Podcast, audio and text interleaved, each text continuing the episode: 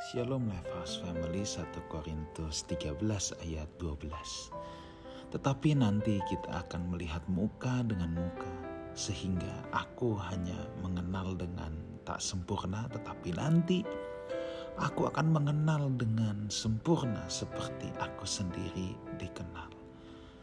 Saudaraku, seorang kekasih, sepasang kekasih yang berpacaran atau berhubungan jarak jauh atau long distance atau seseorang yang sedang pergi merantau ke luar negeri yang jauh dari kampung halamannya, jauh dari tempat tinggalnya, ya pasti akan selalu merindukan untuk pulang ke kampung halaman.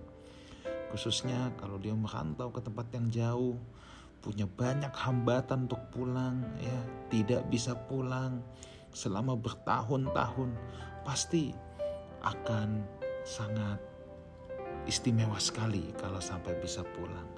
Orang tua yang menanti di kampung halaman pun pasti akan sangat merindukan.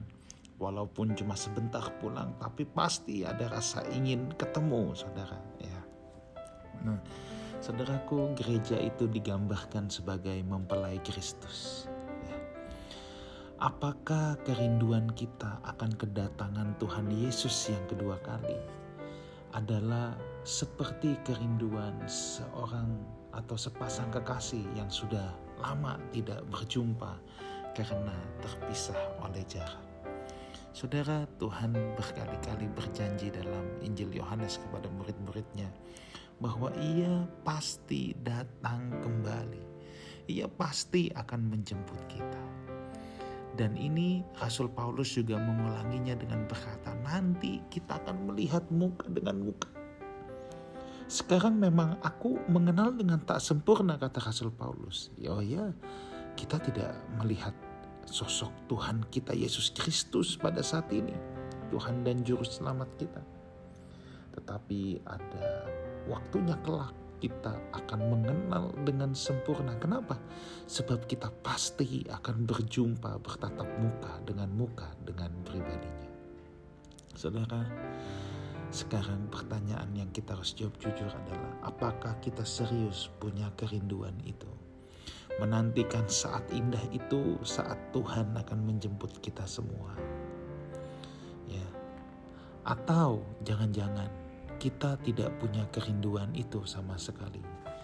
Kita terlena dengan kesibukan bekerja, menumpuk kekayaan di dunia, membangun kenikmatan sesaat yang pasti akan kita tinggalkan kelak.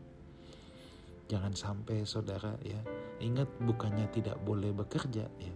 Ayo kita berkarya sementara kita hidup di dunia ini. Tetapi pertanyaannya, apakah ketika kita sambil bekerja, mata hati kita tertuju kepada pribadi Kristus, di mana Yesus kekasih hati kita saat ini sedang menanti kita. Saudaraku, jangan sampai kita sebagai orang percaya tidak memiliki kerinduan, tidak memiliki kerinduan untuk bertemu muka dengan muka dengan Kristus. Mari saudaraku, saya mau mengajak kita semua untuk merenungkan kembali akan hal ini, menilik hati kita. Kalau sampai hati kita tidak ada lagi kerinduan untuk bertemu muka dengan muka dengan Kristus, rasanya ada yang salah dengan kekristenan kita. Tuhan Yesus menyertai kita semua. Amin.